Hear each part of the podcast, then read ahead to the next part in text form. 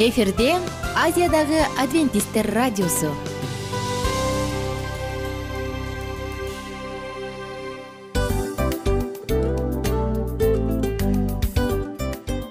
Достор салют. Баардык сүйүктүү угармандарыбызга салам айтабыз. Кутман күнүңүздөр менен.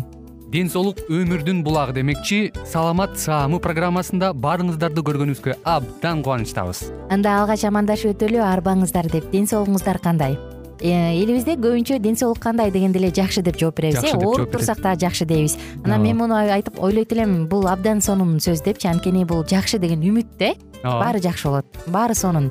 Деп үмүттөнүп атып эле өзүбүздү өзүбүз дарылап коебуз. Анысы кандай? Сиздин дагы ден соолугуңуз жакшы беш деген үмүттөбүз чындыгында ден соолук бул өмүрдүн булагы деп бекеринен айтылган эмес деп ойлойм. Кыргыз элинде анткени эгерде ден соолук жок болсо анда адамдын жашоосунда калган баардык керектүү маңыздуу нерселер өзүнүн баалуулугун жоготуп коет. Ошондуктан ден соолук бул эң керектүү нерсе. Ооба туура айтасың кесиптешим. Чынында ден соолугуң жок бир эки үч күн ооруп калсаң эле э кандай болуп калат? Жашоодо көз каранды болуп каласың көп нерсеге жетишпей каласың көп нерсени кыла албай каласың жада калса эшикке дүкөнгө да чыга албай каласың. Туптуура анан ден соолук болсо демек биз биздин бактыбыз тотой деп койсок болот. Анда достор саламат саамы рубрикабызды баштайлы. Алдыда өзүңүзгө керектүү болгон сонун кеңештерди уга аласыздар. Мына ошондуктан биз менен бирге болуңуздар. Ал эми биз болсо милан жана айнура. Кеттик алга. Алга саламат саама ден соолуктун жарчысы. Саламат саама ден соолуктун ачкычы. Күн сайын сиз үчүн мыкты кеңештер сонун жаңылыктар кызыктуу фактылар биздин рубрикада.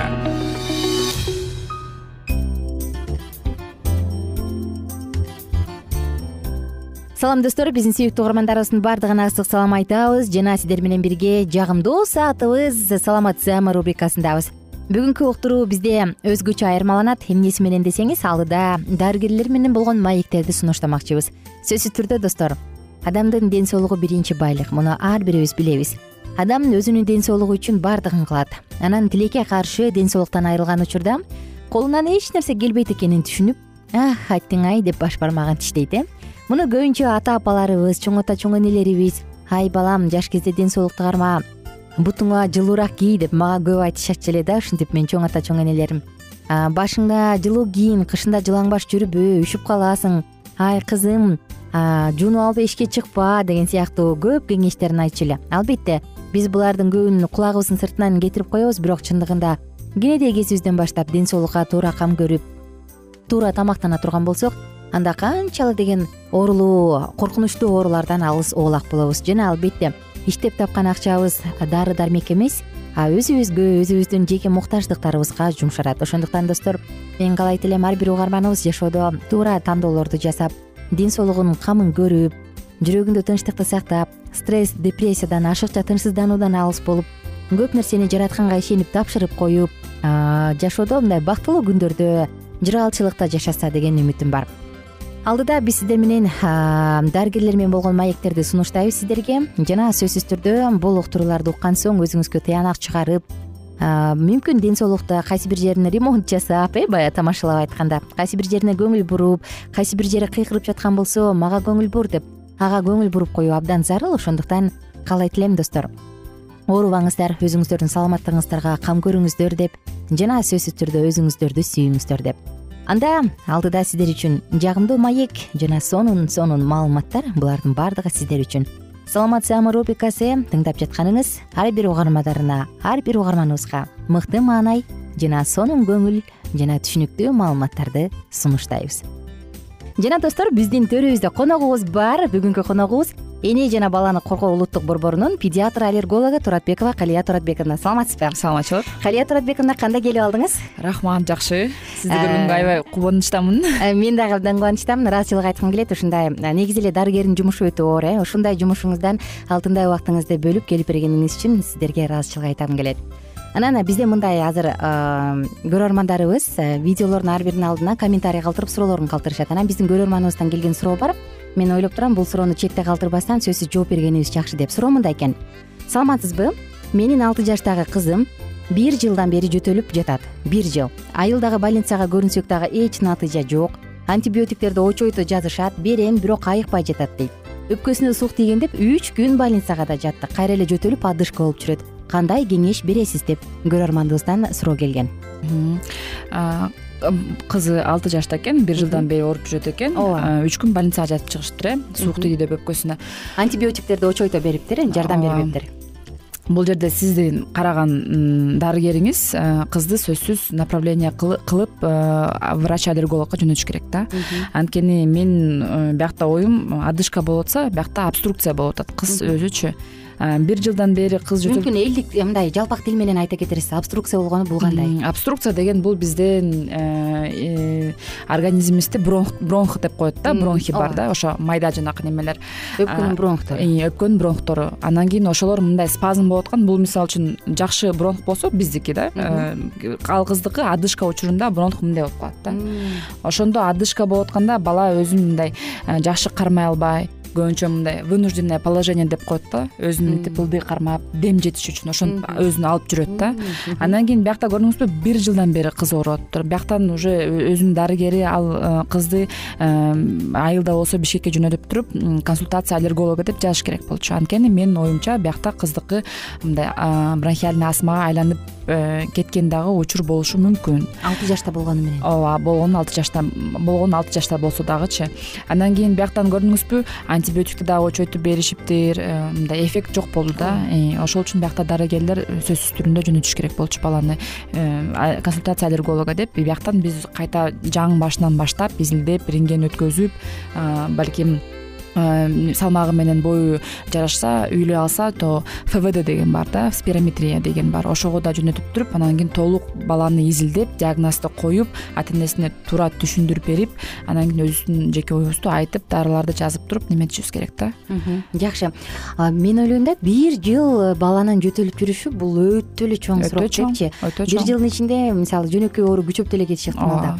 Ошондо азыр сиздин конкреттүү ушул энеге эне болуш керек деп ойлоп турам менин комментарий калтырган көрөрманыбыз энеге кандай конкреттүү кеңеш бересиз? Эмне кадамдарды жасаш керек эми? Анан кийин жанакы айтып кетейин да дагы. Өпкөсүнө суук тийди деп үч күн больницага жатып калдык деп атпайбы андан кийин балким өпкөсүнө суук тийди болсо бул эмне? Бул пневмония да орусча айткандачы пневмония болсо пневмониядан кийин өпкө өзүнө келиш үчүн бул алты айдан сегиз айга чейин убакыт керек да анан мисалы үчүн ошол убакта кыз кайта э, суук тийип ооруп калса сасык тумоо болсо ал өзүн кайта күчөп күчөп ала берет да. Анткени ар бир орган өзүнүн убакыт сааты бар. Полный мындай восстановление болуп өзүнө келиш керек да андан кийин кандай мен эмне деп айтып кетем? Бул эжеге сиз биринчиден кызыңыз одышка болуп атса коркуп чуркабай балким үйүңүздө сальбутамол бар. Ушунча уже бир жылдан бери кызыңыз ооруп атса деле бул одышкасы биринчи башталган эмес болчу болуш керек деп деле ойлойм. Андан кийин сөзсүз сальбутамол бар. Сальбутамол бул эң мындай биринчи жардам да жана айтып кетпедим белем бронхтор мисалы үчүн бул жакшы бронх бул кызыныкы спазм болуп аткан кысылып калган ошол учурда сальбутамол биринчи помощник деп коет. Муну менен колдонгондо сальбутамол ачат да. Бронхторду бронхторду ачат. Бирок бул толук дарылабайт. Бул жардам эң биринчи жардам. Апа эмнени кыла алат да эже эмнени кыла алат андан кийин бияктан дагы мен ойлоп турам бронхиальный астма бул мындай аллергический оору да андан кийин бул жерден диетаны толук кармаш керек. Э, диета ар бир ата эне менен ата энени отургузуп диетаны сөзсүз түрүндө индивидуалдуу түшүндүрүп бериш керек. Эмнени жесе болот эмнени жесе болбойт. Мындай кээ бирөөлөр айтып кетет кызыл тазыл жесе болбойт сүт ичсе болбойт болду депчи. Анан үйүнө жөнөтүп коюшат анан бала эмнени жейт деп кайта кайрылып келишет да. Анда деп. Э, анда деп анан ошол үчүн туура отургузуп баарын түшүндүрүп бериш керек. Эң биринчи жардам берген бул одышка азыр биз эмнени биринчи кылышыбыз керек? Биз одышканы алышыбыз керек. Одышканы алыш үчүн бул биринчи учурда сальбутамол менен колдонуу да. Жакшы. Демек э, биз көрөрманыбызга кайрылат элек э. Мен сиздин айтууңуз боюнча э, биринчи жардам берип туруп андан кийин сөзсүз түрдө аллергологко кайрылып отурам сөзсүз түрүндө достор сиздер менен коштошчу учурдабыз. Кийинки көрүүлөрдөн кайрадан амандашканча сак саламатта туруңуздар. Бар болуңуздар кененирээк маалыматтар үчүн үч w чекит саламат чекит клуб сайтына келип таанышыңыздар. Жана андан тышкары социалдык тармактарда youtube facebook жана instagram баракчаларына катталыңыз. Саламат саама ден соолуктун жарчысы. Саламат саама ден соолуктун ачкычы. Күн сайын сиз үчүн мыкты кеңештер сонун жаңылыктар кызыктуу фактылар. Биздин рубрикада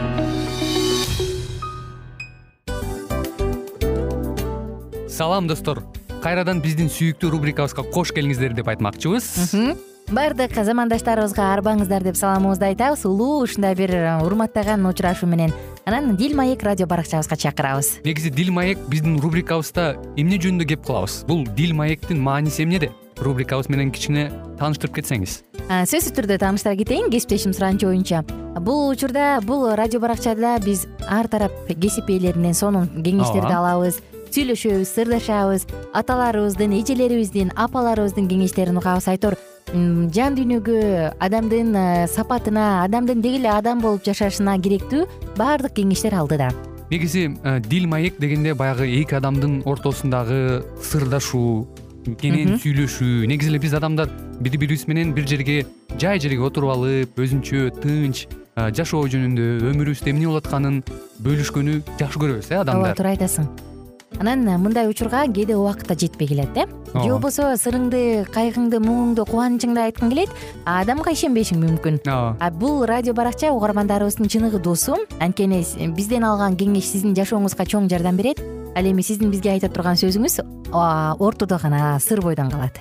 Ошондуктан биздин дил маек рубрикабызга дагы бир жолу кош келиңиздер. Жана биз даярдаган маалыматтарга даяр болуңуздар. Айнура жана милан сиздер менен бирге алдыга кеттик ар түрдүү ардактуу кесип ээлеринен алтын сөздөр жүрөк ачышкан сыр чачышкан сонун маек дил маек рубрикасында.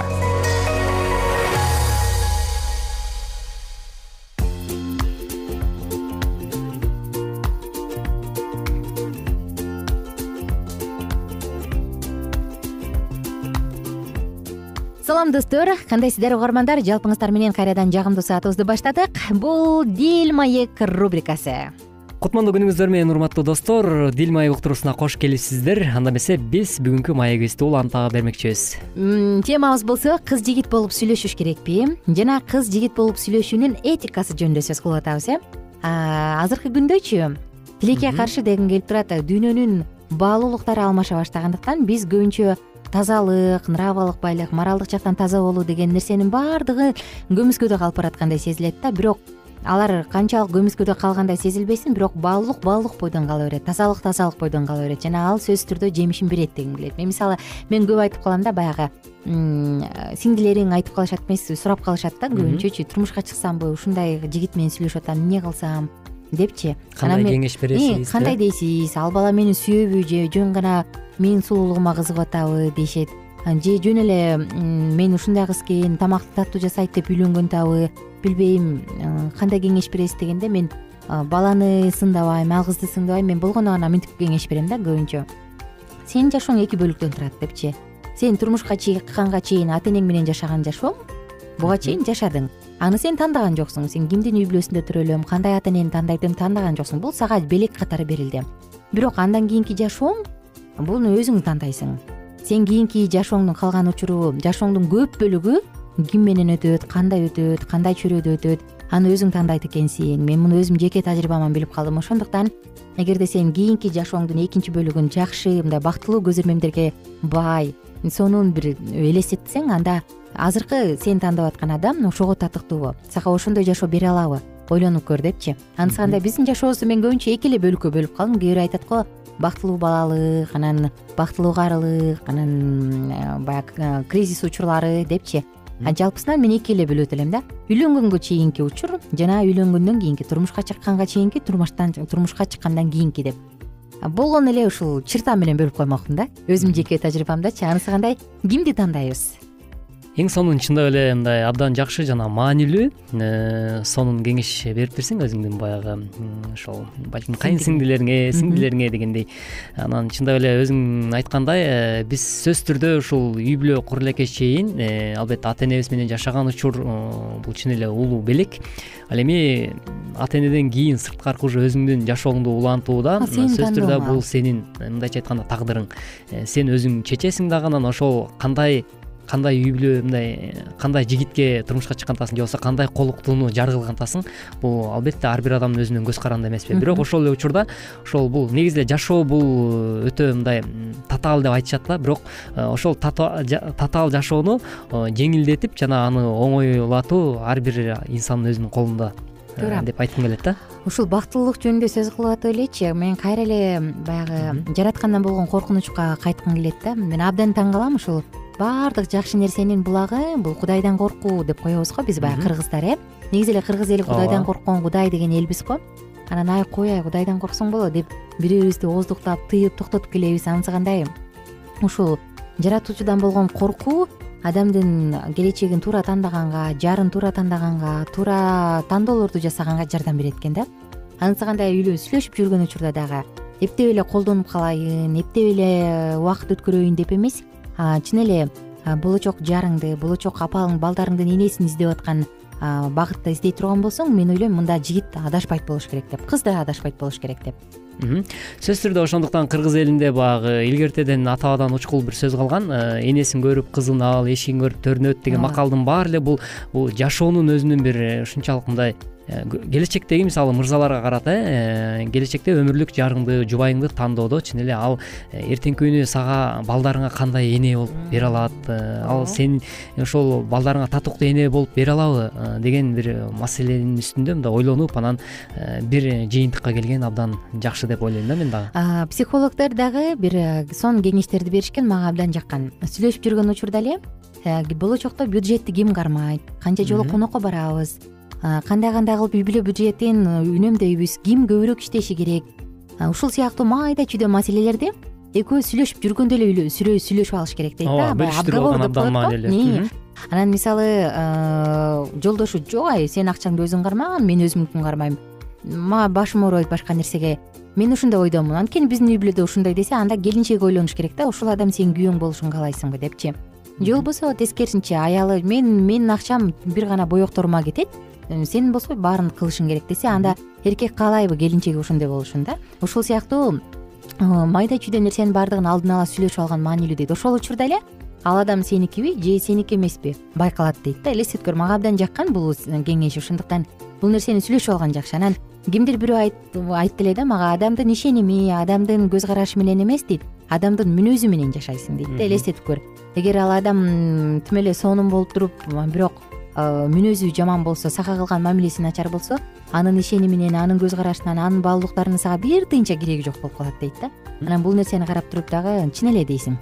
Ооба туптуура айтасың жанагы мисалы үй бүлө курууда дагы ошол финансылык каражаттарды кармоо э, жана эле ошол э, үйгө тиешелүү нерселерди баягы колдонууда сөзсүз түрдө мындай аял эркек экөө мындай чечишип ошо кыз жигит болуп сүйлөшүп баштагандан тартып эле мындай макулдашып мисалы финансы жагын балким сен кармайсың же мен кармайм деген нерсени мындай так чечип алган абдан маанилүү да.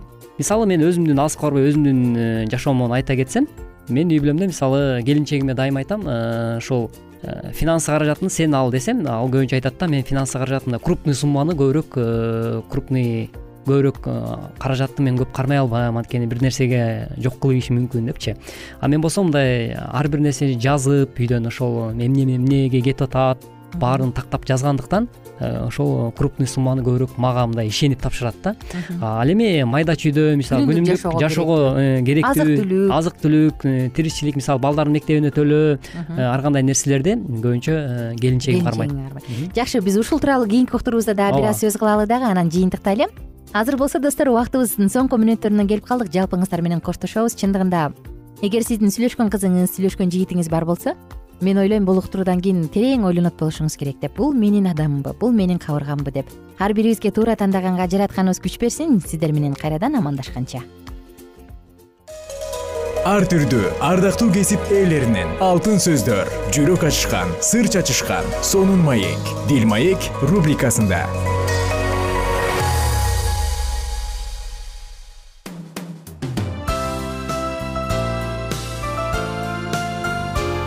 эфирде азиядагы адвентисттер радиосу.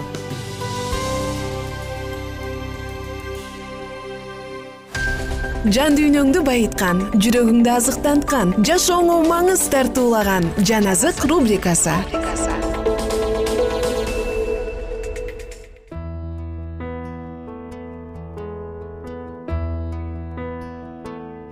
салам достор. Кутмандуу күнүңүздөр. Менен кайрадан эле биз сиздер менен жагымдуу э, тилек арнап жалпыңыздарга жашообузду э, маңыздуу өмүр сүрүп жашообузда гүлгө айлантканга аракет кылган кайрадан эле жан азык уктуруусунда кездешип жатканыбызга өтө кубанычтабыз. Бүгүнкү кызматта кайрадан эле мен улан жана ошондой эле менин кесиптешим жана мен айнура достор салам баарыңыздарга ысык салам айтабыз. Көңүлдүү күн маанайыңыздар жакшыбы көңүлүңүз токпу. Мурунку уктурууда биз жашооңуздун маңызы эмнеде? Жашоону жашоодо өмүрдү маңыздуу сүр э мына ушул жөнүндө сөз кылып атканбыз. Анан мен кесиптешимден сурагам жашооңдун маңызы эмнеде деп. Кесиптешим айтат мен дагы толуктайм дагы айтып берейин жашоонун маңызы жөнүндө деп сөзсүз түрдө. Сөз кезеги сизде. Чоң рахмат э, кесиптешим. Ал эми өткөн э, берүүбүздө ушул э, жашоонун маңызы туурасында менден кесиптешим сураганда мен э, өзүмдүн э, үй бүлөм туурасында э, менин жашоомдун маңызы менин үй бүлөм деп жооп берген элем да. А бүгүнкү уктурууда мен деги кайтпайсыңбы айткан оюңдан албетте албетте оюман кайтпайм менин үй бүлөм бүгүнкү күндө менин жашоомдун маңызы анткени ар дайым ар бир эле үй бүлө ушинтип эле айтат болуш керек да менимче анан бирок мен бир өзгөчө бир маанилүү нерсени бүгүнкү уктурууда баса белгилеп кошумчалап кетким келип атат. Себеп дегенде э, биздин негизги бул мага жеке берилген э, суроо болгондуктан э, мен жекече жооп берейин. Сенин өмүрүңдү же болбосо сенин жашооңдун маңызы эмнеде деп кесиптешим өткөн берүүдө сурап өттүң эле. Анан бүгүнкү күндө менин жашоомдун маңызы менин өмүрүмдөгү ошол мен жашап жаткан маңыздуу нерсе бул бир гана кудайдын өзү экен да. Анткени биздин жараткан жаратуучубуз эң башынан эле э, адамды ушунчалык сүйгөндүктөн э, адам менен баарлашуу үчүн э, аны менен ар дайым мындай орусча айтканда гармонияда болуш үчүн жараткан экен. Аны менен дайыма баарлашып туруш үчүн кудай теңир. Ар бир адамзатты ушундай максатта эң башынан эле биз ошол адам атаны жаратканда обонин жаратканда ошондой максат менен. Анан албетте ошол адамдын жашоосун Э, баталаш үчүн э, кудай теңир ушинтип жараткан экен да. Бирок мен э, бүгүнкү уктурууда ушул өзгөчө бир ойго токтолгум келип турат. Бүгүнкү күндө жашооңдун маңызы эмнеде? дегенде мен минтип жооп бергим келет эле да. Менин жашоомдун маңызы бүгүнкү күндө ошол мени жараткан жаратуучум бул менин жашоомдун өмүрү бул иса машаякта экен. Э, бул иса биз буга чейинки программабызда айтканбыз иса пайгамбардын ар кандай э, бул жашоодо анын сүйүүсү туурасында айтканбыз. Ошол сүйүүнү берген э, иса машаяк бүгүнкү күндө мага дагы ушу маңыздуу жашаганга маңыздуу өмүр сүргөнгө мындай өмүр тартуулаптыр да. Бул өмүр түбөлүк өмүр экен. Анткени бул дүйнөдө эч бир бул дүйнөгө түркөк боло турчу адам жок. Баарыбыз бул дүйнөдөн өтөбүз анан өлгөндөн кийин мен каяка барам деген дагы суроо жаралат ошондуктан э, ошол маңызды ачып берген бул бир гана иса машаяк экен. Анан э, ал болсо ошол өзүнүн э, менен матай жазган жакшы кабардын он үч он алтынчы бөлүмүндө эң сонун сөздү айтып кеткен экен. Кудай дейт бул ааламды же болбосо бул дүйнөнү жараткан ал сүйгөндүктөн дейт ошол жаратты дейт да. Анан мындайча айтканда ал ошол адамды э, жараткан кудай э, ошол эле өзүнүн жалгыз уулун иса машаякты бул дүйнөдөгү ошол күнөөкөрлөрдү куткарып алыш үчүн э, аларга өмүр бериш үчүн исаны берди дейт да. Эгерде кимде ким дейт аны кабыл алып ага ишенсе дейт ал ошол маңыздуу түбөлүк өмүргө ээ деген сөздү айткан экен да. Анан бүгүнкү күндө ошол түбөлүк өмүргө мен ээ болуп калдым да. Ошондой эле мен да каалайт элем. Бизди тыңдап жаткан угармандар э, биздин ушу бүгүнкү күндө ушул кескечтер угуп аткан угармандарга айтып кетет элем. Э, бул жашоодо иса машаяктан башка э, жашоодо сенин жашооңо маңыз бере турчу эч бир нерсе жок экен да болгону. Ошол иса машаяк эле өзү биздин жашообузга туура маңыздуу жашоону тартуулай алат экен. Э, себеп дегенде качан э, кудайдын сөзүндө айтып атпайбы ошол матай үч он алтыда кудай бул дүйнөнү абдан сүйгөндүктөн өзүнүн жалгыз уулун берди дейт ага ишенген ар бир адам өлбөй жана түбөлүк өмүргө ээ болсун деп берди дейт да. Ошондуктан улам э, биз ошол кудайды кабыл алып жан дүйнөбүзгө мен маңыздуу өмүр түбөлүк өмүрдө өмүр сүргүм келет деп биз аны машаякты өзүбүздүн куткаруучубуз теңирибиз мындайча айтканда өзүңдүн атаң катары кабыл алсаң кудай менин атам.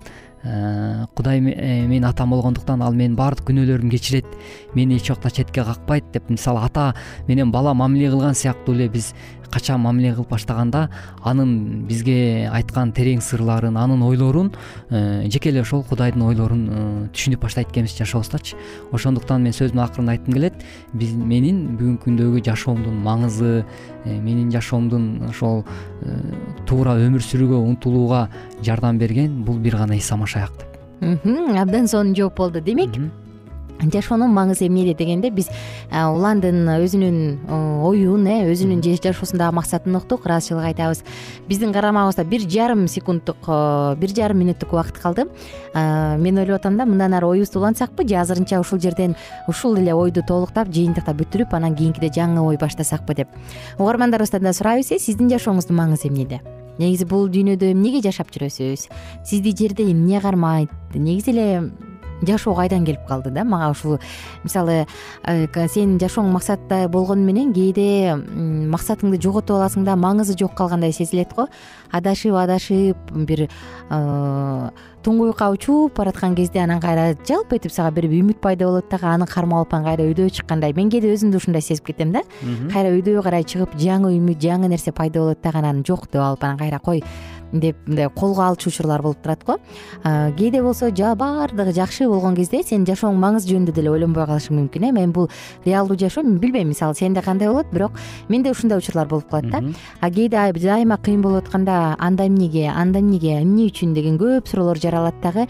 Байкасаң керек мен аябай аналитикмин өзүм негизи сапатым бул мен аналитикмин. Анан эмнеге кандай деп ойлонуп отуруп туруп анан адашып кеткендей сезесиң өзүңдү бир убакта кайра анан э, бир нерсени таабасың дагы анан үмүтүңдү эстеп кой деп кайтып кайра келесиң. Э, достор биздин убактыбыз соңуна бүтүп калды. Кийинки темабызда буюрса ушул эле теманы андан ары улантабыз. Уктуруубузда кайрадан сиздер менен амандашканча күнүңүздөр көңүлдүү улансын сак саламатта калыңыз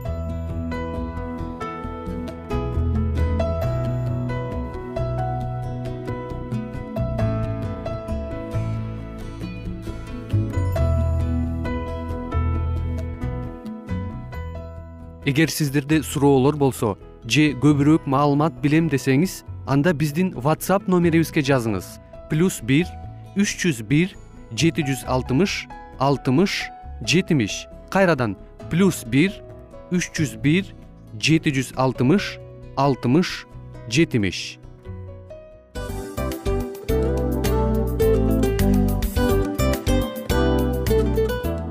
достор биздин радио баракчаларыбыз соңуна келди. Демек бул программабызды дагы жыйынтыктачу учур келдик. Учурга келдик. Анан кесиптешимден сурагым келип турат. Негизи эле иштин башталып атканы кубандырабы сени же жыйынтыгы кубандырабы албетте жыйынтыгы. Себеп дегенде сен кылган ишиңдин жыйынтыгын көрүп э, баягы мөмөсүн көрүп дегендей жыргайсың жүрөгүң жемишинен тартып э? Кандай даамдуу деп. Баягы буудай сепкенде эмес буудай эгинди жыйнагандан кийин ысык нанды жегенде кадимкидей ырахаттанасың го. Ой айтпа туура айта кеттиң сонун салыштыруу болду анан мен дагы абдан кубанып турам. Анткени биз угармандарыбыз үчүн аябай эмгектенип келген уктуруубуздун соңуна келип калдык анан эми уктуруубуздун соңунда угармандар кандай пайда алып калды экен деп күтүп турам да. Балким э, менин жашоомо өзгөрүү киргизе турган сонун сөздөр болду. Мен ушул нерсени изилдеп анан кабыл албасам ушул нерсени кылбасам деген чечим чыгарсаңыз анда биз абдан кубанычтабыз. Сөзсүз түрдө. Андыктан кийинки биздин кызыктуу уктурууларыбыздан көрүшкөнчө сак саламатта калыңыздар. Чыдамсыздык менен сиздерди мен милан жана кесиптешим айнура күтөбүз баардык угармандарыбызга ийгиликтүү күн каалайбыз. Качан гана болбосун уртуңуздан жылмаюу кетпесин үйүңүздө көмүр жүрөгүңүздө көңүл болсун дейли